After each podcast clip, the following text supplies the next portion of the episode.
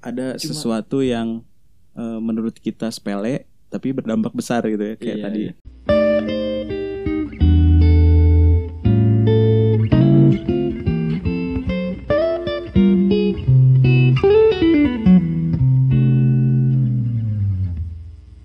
Assalamualaikum warahmatullahi wabarakatuh. Ya, balik lagi sama kita Pur, podcast orang-orang Rabun. Eh, sesuai janji kita, kita balik lagi di sesi kedua mengenai Bersama- ada apa aja di dalam stan oleh Fauzan. Fauzan, narasumber sejauh ini. Sumber golden nih. Terbanyak pengalaman mengenai perkuliahan. Karena mengalami lulus SBM dan lulus stan. Hmm, kebanyakan lulus ini. Ya, makanya dengerin dulu di sesi pertama biar kalian tahu ya siapa itu Fauzan. melanjutkan Dengerin dulu yang ya, sesi dengerin pertama. dulu yang sesi pertama oke mungkin kita langsung aja ya Tret. Fauzan. Ya halo. Ya, balik Baik. lagi sama kita Eh, kita ya kita tadi kita berdua sekarang kita bertiga tiga. oke Fauzan.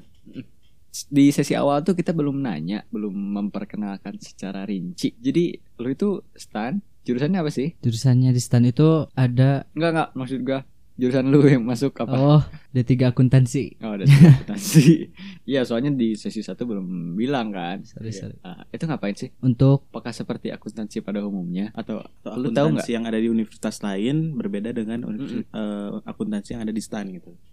nah kalau itu sih gak tahu gua mah ya. emang belum ini ya belum explore Jauh Iya. akuntansi eh, univ lain kayak gimana gitu ya Iya.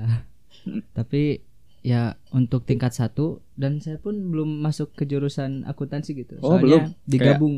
TPB gitu bukan sih kalau di Iya. kita Kayak Masih TPB gitu. digabung. Hmm, oke. Gue tuh penasaran ya kuliah di STAN. STAN itu kayak apa sih? Seperti apa sih gitu? Eh, gambaran umumnya kalau dari lu gitu. Stan itu ya. Kalau dari saya mah sekolah tinggi akuntansi negara. Iya, Negara. iya, Iyalah. iya. Negara. Anda ini lolos SBM, lolos STAN, tapi jawabannya standar. ya gue bingung soalnya. ya tapi yang saya ketahui tentang stan itu suatu kedinasan lah. Kedinasan. Serius jawabannya itu? Iya itu aja deh. Enggak maksud aduh gimana ya? Tidak puas nih kami. nih. Tidak puas nih pendengar. Gimana gimana? Jadi gini maksud gua tuh stan itu bukan bukan lu gua nggak apa gua nggak nanya arti stan itu dan Iya. secara umum nggak maksud Tapi gua. buat lu STAN itu apa gitu? Ah, iya gitulah. Waduh, Boleh berat eh soalnya. ya, kalau buat gua mah gimana ya? Ah pokoknya the best lah. Enggak sih sebenarnya poin gua nanya tuh bukan itu sebenarnya. Tapi gimana ya? Bangke emang ini dua. Apa? Anda bertanya tidak jelas. iya, gak rinci. Enggak sih sebenarnya jawabannya tuh bener tapi apa ya? Pertanyaan gua tuh Enggak menuju ke situ gitu. iya bukan menuju ke situ, poinnya tuh bukan Ya, ke terus situ, tapi gimana ya? Stan itu skip dah pertanyaan itu. Kesel gua. Ngapain aja lah di sana? Ya, kalau di sana ngapain aja?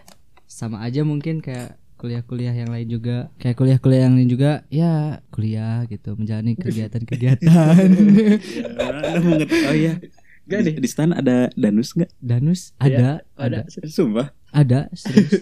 Loh. Kalau ada kegiatan tuh baru kalau yang jadi panitianya pasti ngadain danus.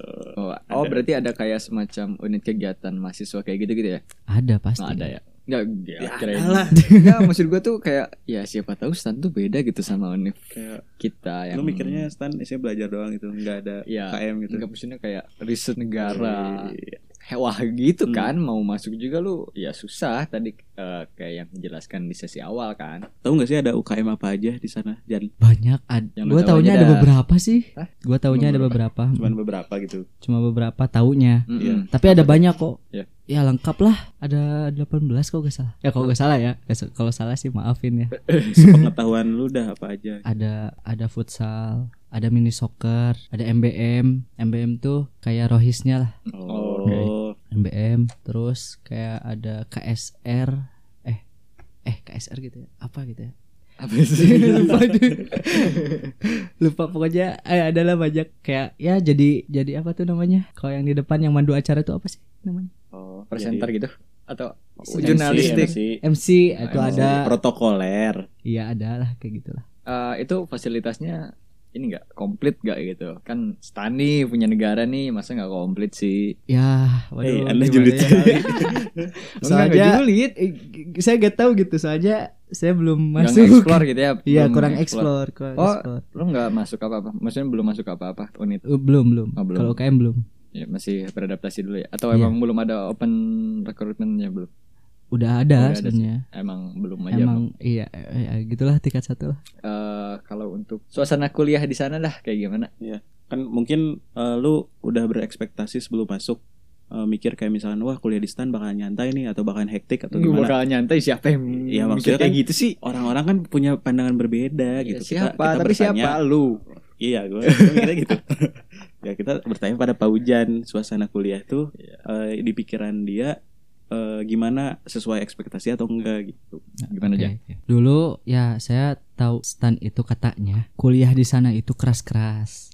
Katanya. baru katanya Iya, ya setelah masuk gimana setelah masuk mungkin pas ospek mah ya terasa keras gitu ya. ya biasa lah ya Iya ospek. biasa lah ospek. emang di mana sih ospek Di mana ya satu lembut? minggu aja serasa satu bulan gitu. iya iya sih kalau ospek kayak gitu ya Ya tapi kalau misalnya udah masuk perkuliahan biasa sih ya biasa-biasa aja suasananya. Mm-mm. Ya dihadapi ya biasa-biasa aja gitu. Iya. Asalkan jangan cari asal- masalah gitu Cari ya. masalah gitu. aja. Eh, seniornya gimana Wah seniornya alhamdulillah baik-baik ya Allah. oh, baik baik ya emang Iya baik-baik. ini baik-baiknya secara tersirat apa baik benar-benar baik nih literally baik nih emang baik bener-bener baik kok. Oh, bener-bener baik, baik. baik ya Santai aja kok.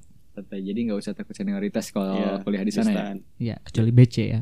kalau teman sendiri teman angkatan teman kuliah Teman angkatan itu ya alhamdulillah sih mereka pada pada ya pada baik juga.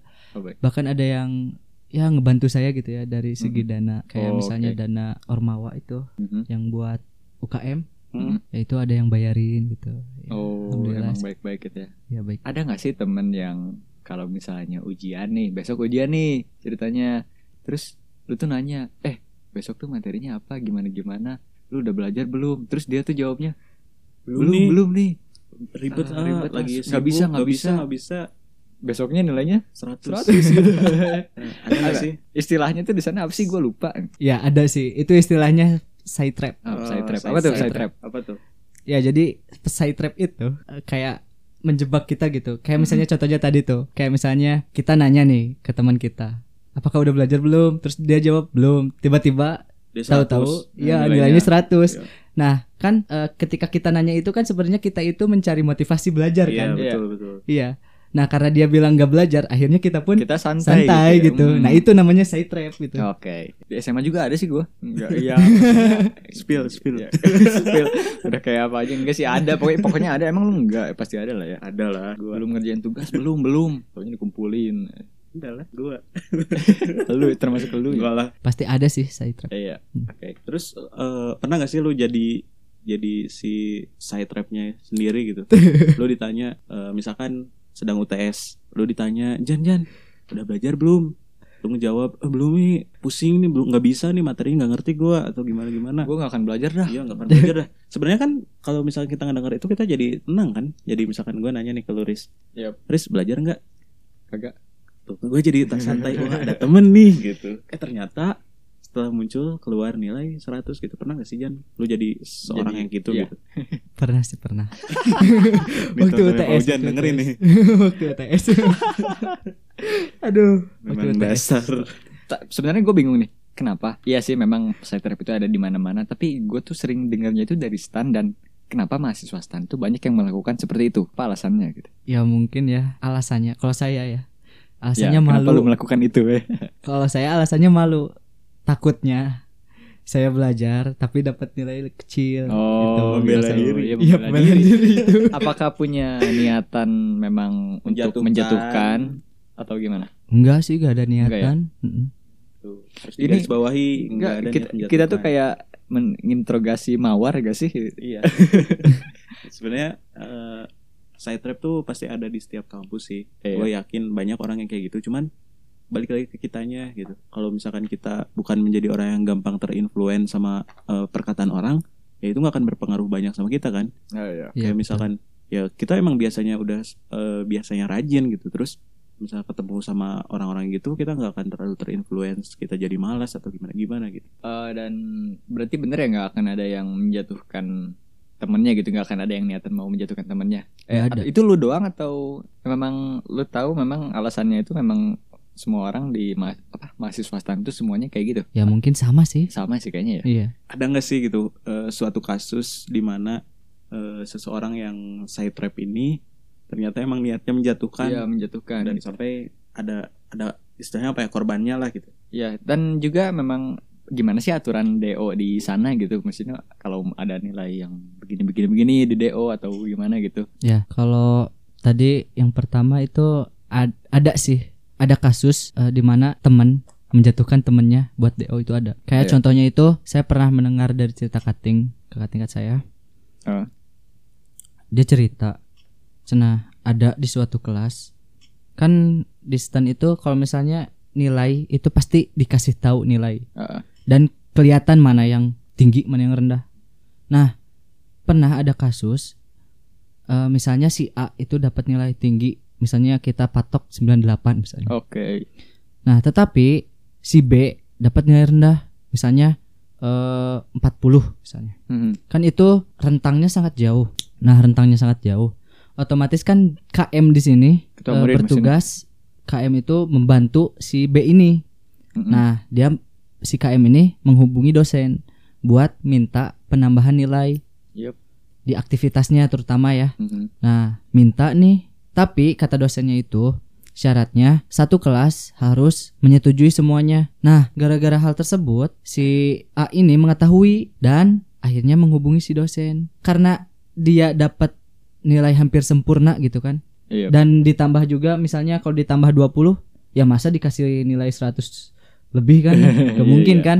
Akhirnya si siswa si A ini protes ke dosennya. Mhm. Pak saya udah belajar belajar gini gini gini. Lah kok eh, orang lain dapat nilainya mudah gitu kan? Widih. iya gitu. Nah setelah bilang gitu akhirnya dosen pun gak jadi ngasih Jadi nilai. ngasih nilai. Dan akhirnya si si B itu di DO nah untuk nilai yang kecil sendiri itu bisa ngulang nggak sih? Un- untuk di stand itu gak ada ada kesempatan kedua. Gak ada ngulang. Uh, gak ada Dengerin. ngulang. Catat garis bawahi kalau anda yang masih berharap misalkan ah santai ada remedial itu tidak berlaku di stand ya tidak berlaku di stand untuk kalian yang im- memimpikan stand eh, biasakan dulu untuk tidak selalu remedial. Jangan ikut BMC Balinda Remedial Club. Ya betul. Ya begitu ya. Nah untuk DO itu ya ada rentang minimal nilai IP minimalnya itu 2,75 hmm, Dan ada 2,75. beberapa ya 2,75. Ada beberapa matkul khusus yang tidak boleh D atau ada matkul yang tidak boleh D-nya lebih dari dua. aduh berat juga ya lumayan ya. Hmm, apa lagi? Oke mengenai pendidikan di sana selama kuliah yang dirasakan lu Jan kayak gimana sih? Dari mulai Mulai kayak kayak- matkul termudah Iya. dan matkul tersulit bagaimana cara dosen mengajar dan suasana belajarnya kayak gimana apakah aktif banget gitu mahasiswa kan kita tahu nih yang masuk stan tuh ya orang-orang terpilih gitu ya Iya. dan mungkin cara belajarnya tuh wah banget gitu ya kalau untuk kita nih gini ya gue simpelin aja gitu Eh, pada ambis gak sih gitu iya iya Oke. ngambis oke. gitu ya Saya komen dulu yang tadi ya. Sebenarnya yang masuk ke stan itu bukan orang-orang pinter kok, tapi orang-orang yang beruntung.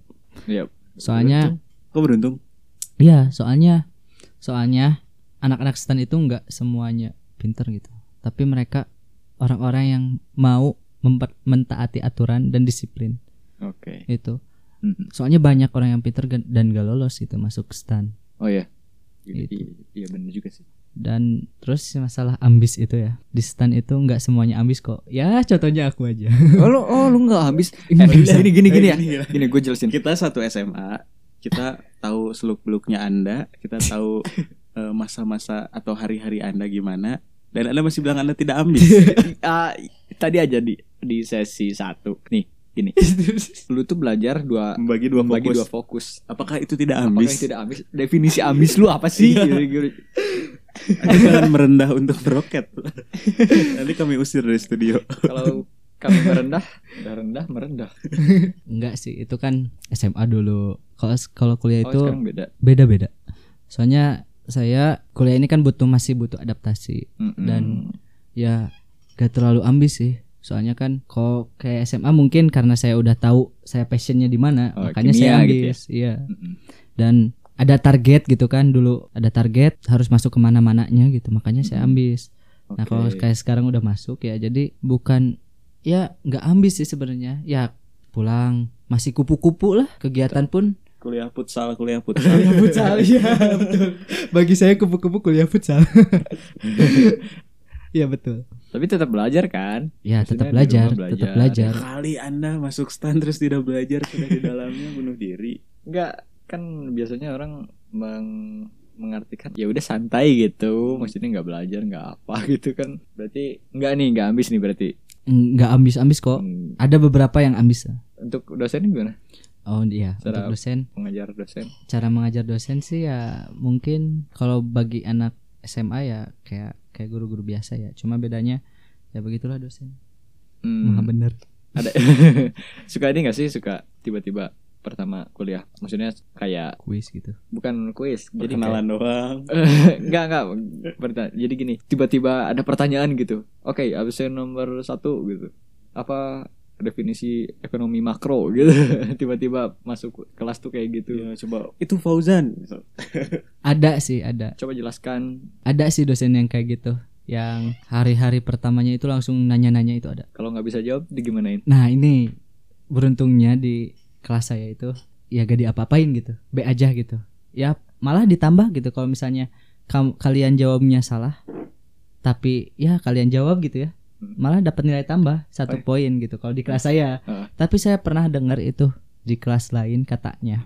Katanya ya saya gak tahu nah benar atau tidaknya kata teman saya ada kalau misalnya kita ditanya dan gak bisa jawab atau jawabannya salah itu di minus nilainya uh itu ada dan kalau kita jawabnya salah diketawain gak sih sama teman-teman? Kan ya secara teman-temannya itu ya pasti ada yang udah pernah belajar atau semalamnya belajar dulu gitu. Suka diejek atau gimana gak sih? Nah di sini nih enaknya di stan itu gak ada gak ada ejekan lah. Gak ada ketawa-ketawaan gitu kalau misalnya kita salah, Salah. menjawab. Oke malah mereka mengapresiasi gitu mengapresiasi kita. Nah itu yang dibutuhkan dari suatu lingkungan belajar tuh itu gitu bukan yang toksik toksik Ya, tadi emang udah bilang ya nggak emang nggak ada toxic kalau di stan iya. Oke, nah kan apa ya masuk stan itu susah dan apakah kuliahnya juga sama susahnya dengan cara masuknya? Gimana sih tingkat kesulitan kuliah di stan? atau malahan lu ngerasa Gampang lebih banget susah sih. lebih susah masuknya daripada sudah dijalani iya, kalau saya merasa ya susah masuknya sih itu ya oh, lebih susah masuk ya. lebih susah masuk tapi tapi ada beberapa hal yang nanti kalian pasti kalau masuk stan bertemu dengan kesulitan itu gitu contohnya kayak UTS UAS Ah. itu beda banget kayak kampus lain gitu loh Gimana tuh? kayak kayak kayak dari se- segi soal ya kalau menurut Mhm. saya nih Ya.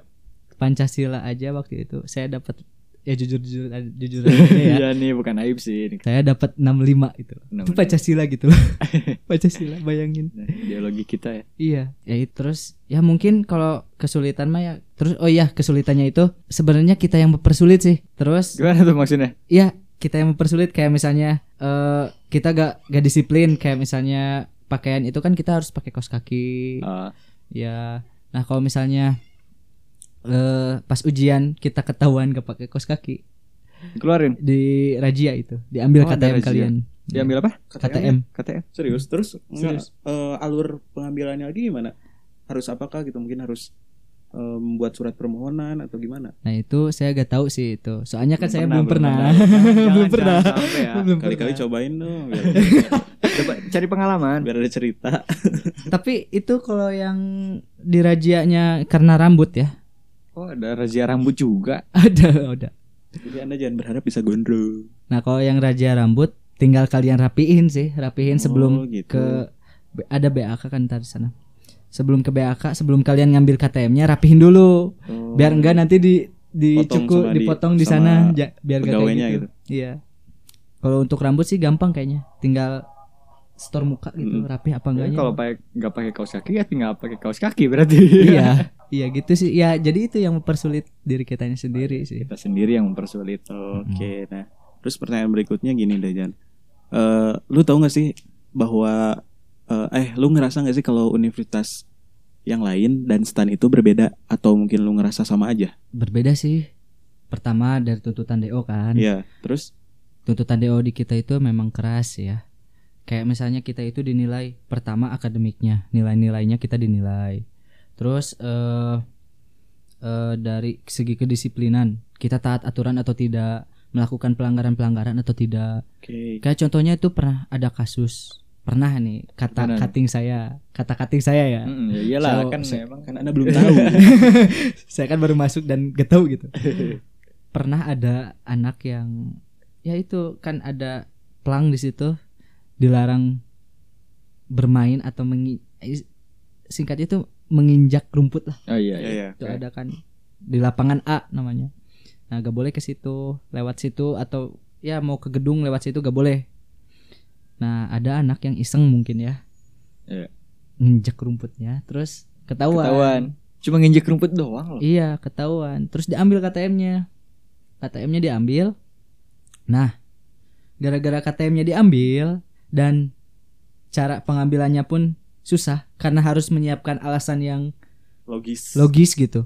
Harus menyiapkan al- alasan yang logis dan Hmm. akhirnya ketika ujian dia gak bisa ujian, Mhm. diusir sama pengawas dan akhirnya DO gitu. Aduh. Berarti Ada. ada Cuma- sesuatu yang eh, menurut kita sepele tapi berdampak besar gitu ya. Kayak Iya, tadi iya. kayak dia mungkin main-main di rumput. Di situ ada eh, apa sih namanya itu pelang nggak boleh eh, menginjak rumput dan lain-lain. Tapi dia ngelakuin terus diambil KTM-nya. Ternyata dampaknya besar ya sampai DO juga gitu. Padahal cuma nginjek rumput doang. Nah, terus berikutnya eh apa sih yang gak ada di universitas biasa tapi ada di stan dan apa yang eh sebaliknya gitu? Apa yang gak ada di stan tapi di universitas lain itu hal yang biasa gitu. Yang pertama yang gak ada di univ lain dulu ya. Iya. Ya kalau misalnya saya gak tahu sih yang Yang unik dah. yang ya itu sih tadi tuntutan DO sih sebenarnya Iya, iya. yang yang Pokoknya aturan itu. lah ya. Iya yang aturan bikin unik aturan tuh. itu. Yang uniknya aturan itu. Nah, sekarang kita ngobrolin sesuatu yang memang bikin menggiur, yang menggiurkan, yang membuat giur. Gimana sih bahasanya? Menggiurkan. Yang menggiurkan eh, seseorang untuk masuk stan yaitu ketika lulus langsung kerja. Nah, itu. Dan apakah memang benar seperti itu? Ah oke. Yap betul Oh, betul. betul. Ntar kalian kalau udah lulus langsung kerja. Hmm, langsung Tapi kerja. ada beberapa proses gitu sebelum Hmm. kalian diangkat jadi PNS. proses kayak gimana tuh maksudnya? Pertama kan kita nih masuk ke stan. Masuk ke stan itu kalian jadi CCPNS. Calon, Calon. CPNS. Calon CPNS. calon C- CPN CPNS itu kan calon. PNS kan? Calon Atau calon singkatnya kayak PNS. gini, singkatnya calon ASN aja. Oke, calon Calon calon, ASN. jadi ASN gitu. Iya, calon ASN aja. Nah, kita itu calon ASN. Nah, setelah kita lulus, baru kita CPNS itu namanya. Oh. Tapi nggak dites tes gitu lagi kan? Enggak, Nggak kayak kok, yang enggak. sekarang di Telkom yang bikin macet itu kan? enggak kok, enggak. Karena kita udah di awal gitu, iya, setara iya, CPNS-nya. Udah CPNS 3 tahun kalau udah tiga gitu. Nah, Oke. udah gitu kita mengikuti pelatihan CPNS. Kita ikuti pelatihan baru aja diangkat jadi PNS. Pernah nggak Oh. sih ada kasus udah lulus tan tapi nggak jadi PNS? Nggak? Ada itu ada. Oh ada. Ada. Enggak maksudnya diri enggak, sendirinya bukan- gitu iya, memilih atau atau memang memang Nggak lolos nggak gitu. lolos atau ada tahap lain yang menjadikan PNS itu gagal gitu. Enggak sih gara-gara pasti. pasti pasti sebenarnya pasti jadi PNS itu ya tadi asalkan jangan ngelanggar aturan Mhm. Se- semenjak pelatihan itu jangan ya jangan aneh-aneh lah Iya, jangan cari masalah dah. iya itu yang menyebabkan gagal jadi Iya, PNS oh itu iya. Tapi yang jelas nggak ada tes tes lagi gitu ya. nggak ada, nggak ada. Hmm. Eh, untuk penempatannya sendiri, penempatan kerja itu sesuai disesuaikan dengan jurusan atau memang kita milih lagi nantinya? nah yang saya tahu kalau pajak itu kan sesuai jurusan ya pajak Iya. BC manajemen keuangan tuh sesuai jurusan kalau Yap. akuntansi itu bisa ke mana saja bisa ke BC ke pajak ke manajemen keuangan Mhm. Nah, kalau kalau saya yang saya dengar dari dosen itu ntar tuh kalau jurusan akuntansi disuruh milih lima pilihan. Mhm. Kalau gak salah ya, lima pilihan. Mau ke DJP DJP itu Direktorat Jenderal Pajak. Aduh. DJBC Direktorat Jenderal Bea Cukai DCPB perbendaharaan dan lain sebagainya. Kita dikasih pilihan 5 pilihan. Itu ya tergantung kita. Karena ntar dikasih lima pilihan kali kita pilih mau ke mana terus di- mau ditempatin di mana itu kita ntar Oh, ada oke. pilihannya itu. Tapi kalau masalah ntar akhirnya ditempatinya di mana itu terserah lembaga itu mah. Mm-mm. Yang penting kita kayak apa ya daftar peminatan ini dan nantinya terserah diterimanya di mana gitu ya. iya betul Nah, ini buat yang terakhir banget nih sebelum lu balik ke Bintaro kita anterin.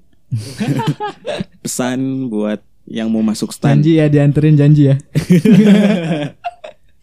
Dianterin sampai ini aja. Gerbang. Iya, gerbang. gerbang ini gerbang rumah.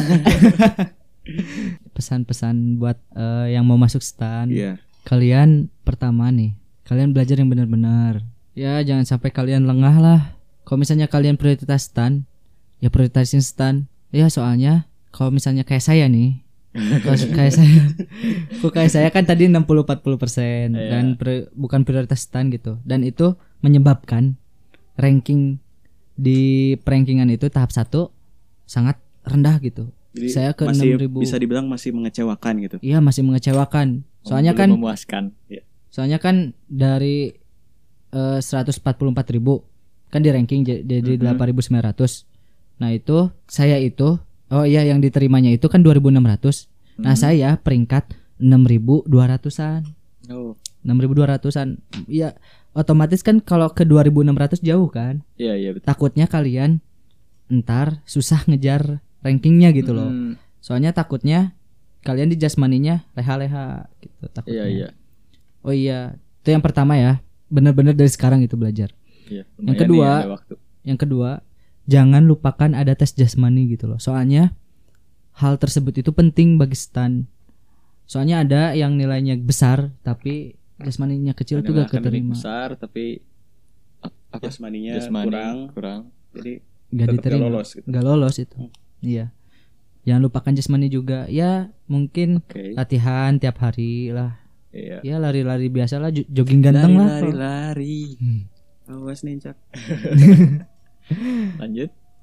itu terus yang paling utama nih ya yang paling utama yang dan ini pun saya pernah menanyakan hal ini ke teman-teman saya jangan lupakan orang tua Oh. kalian harus punya ridho orang tua. Dan minta ke orang tua itu buat doain kalian. Soalnya teman-teman saya pun bilang eh saya gak nyangka masuk sini. Karena saya mah gak gak ngelakuin apa-apa.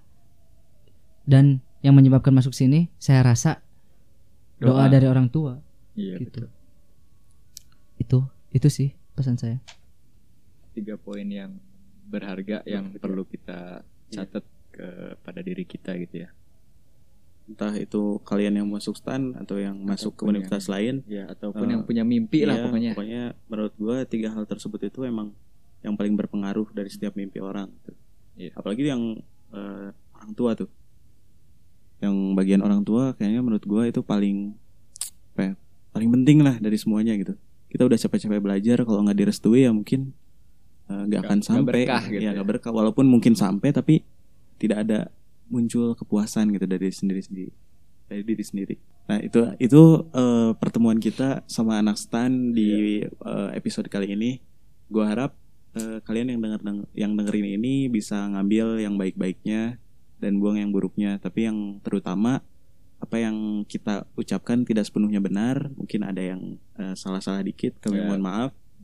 Terus eh, buat Fauzan terima kasih udah kami ngisi terima kasih banyak. Terima kasih banyak udah mengisi sama-sama. waktu. konten ini. Iya, nanti masukin lagi kapan? tanggal 14 Maret 14 Ya, Maret. Kita doain Fauzan supaya lancar Iya, semuanya di stand. Terus semangat. Amin. Terus Iya. semangat. Jangan Amin. lupa karena masih banyak orang-orang yang bermimpi seperti Anda. Anda harus siap buat sharing-sharing kepada kami semua biar mimpi-mimpi masuk stand bisa terwujud. Iya betul. Jadi tidak mampet di lu doang gitu Jan. Masih Iya, ada iya. orang-orang yang mau Em- masuk. emangnya cuman masuk. Anda doang yang mau masuk?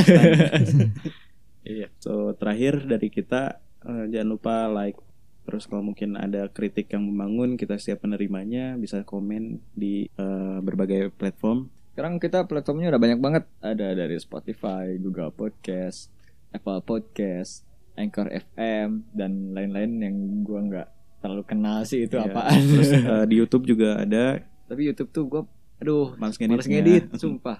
ya cuman eh, mungkin eh, kalau yang di YouTube uploadnya jauh lebih telat daripada Iya. yang lainnya. Jauh lebih telat. Ya, eh, buat kalian juga jangan lupa follow Instagram kami di @id.pur.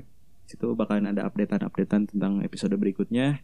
Terus eh, next eh, guest star dari mungkin kampus mana atau yang punya pengalaman eh, tentang suatu hal. Ditunggu Eh, aja. Ditunggu aja dan mungkin eh, cukup sekian dari kami. Eh, mau ini dah. Hujan aja yang ngomong ya. Eh, penutup sebagai penutup. Hmm, Oke, Oke, cukup sekian dari saya. Mohon maaf ya tadi kalau misalnya saya ada kesalahan. Mohon maaf banget.